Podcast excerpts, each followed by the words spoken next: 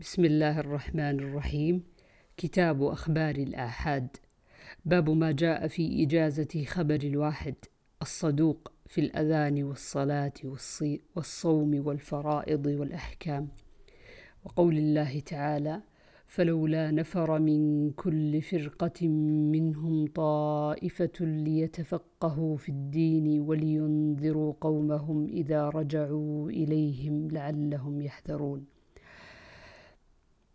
ويسمى الرجل طائفة لقوله تعالى وإن طائفتان من المؤمنين اقتتلوا فلو اقتتل رجلان دخلا في معنى الآية وقوله تعالى إن جاءكم فاسق بنبأ فتبينوا وكيف بعث النبي صلى الله عليه وسلم أمراءه واحدا بعد واحد؟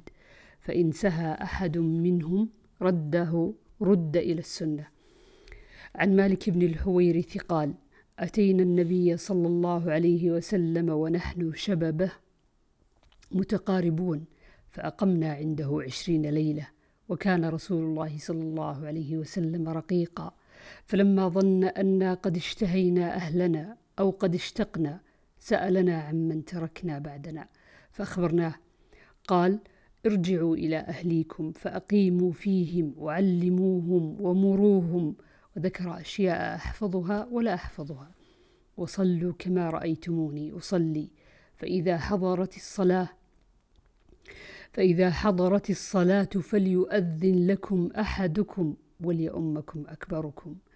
عن ابن مسعود قال قال رسول الله صلى الله عليه وسلم لا يمنعن أحدكم أذان بلال من سحوره فإنه يؤذن أو قال ينادي ليرجع قائمكم.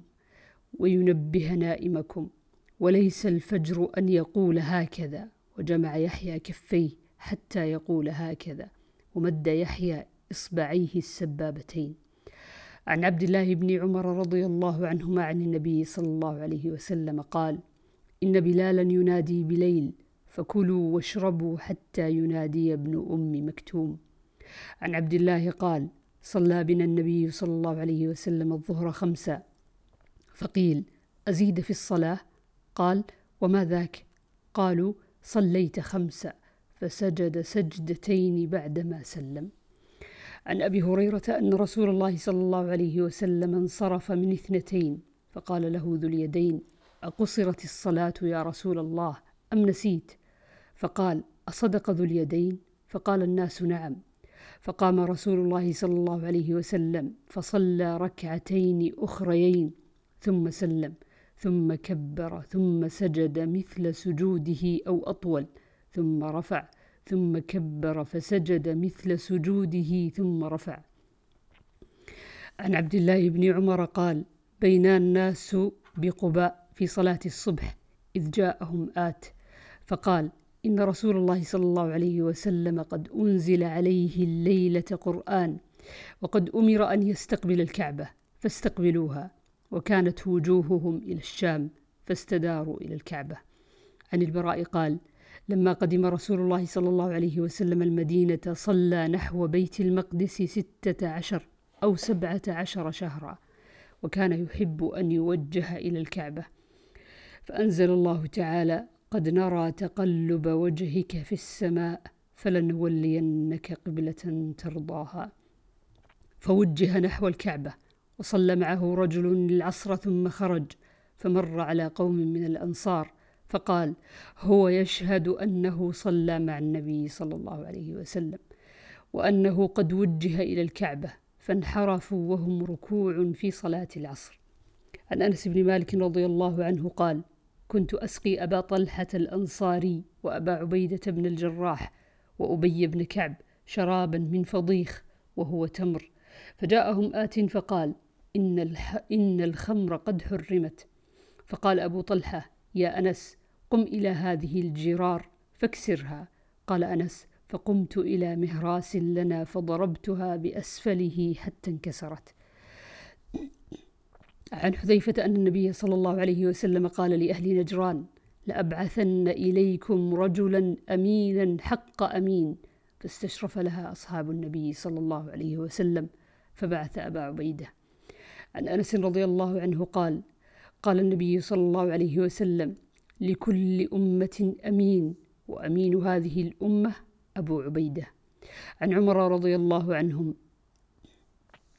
عن عمر رضي الله عنه قال وكان رجل من الأنصار إذا غاب عن رسول الله صلى الله عليه وسلم وشهدته أتيته بما يكون من رسول الله صلى الله عليه وسلم. وإذا غبت عن رسول الله صلى الله عليه وسلم وشهد أتاني بما يكون من رسول الله صلى الله عليه وسلم. عن علي رضي الله عنه أن النبي صلى الله عليه وسلم بعث جيشا وأمر عليهم رجلا فأوقد نارا وقال ادخلوها فأرادوا أن يدخلوها. وقال آخرون إنما فررنا منها فذكروا للنبي صلى الله عليه وسلم. فقال للذين أرادوا أن يدخلوها لو دخلوها لم يزالوا فيها إلى يوم القيامة. وقال للآخرين لا طاعة في معصية إنما الطاعة في المعروف. عن عبيد الله بن عبد الله أن أبا هريرة وزيد بن خالد أخبراه أن رجلين اختصما إلى النبي صلى الله عليه وسلم. عن أبي هريرة قال بينما نحن عند رسول الله صلى الله عليه وسلم إذ قام رجل من الأعراب فقال يا رسول الله اقض لي بكتاب الله. فقام خصمه فقال صدق.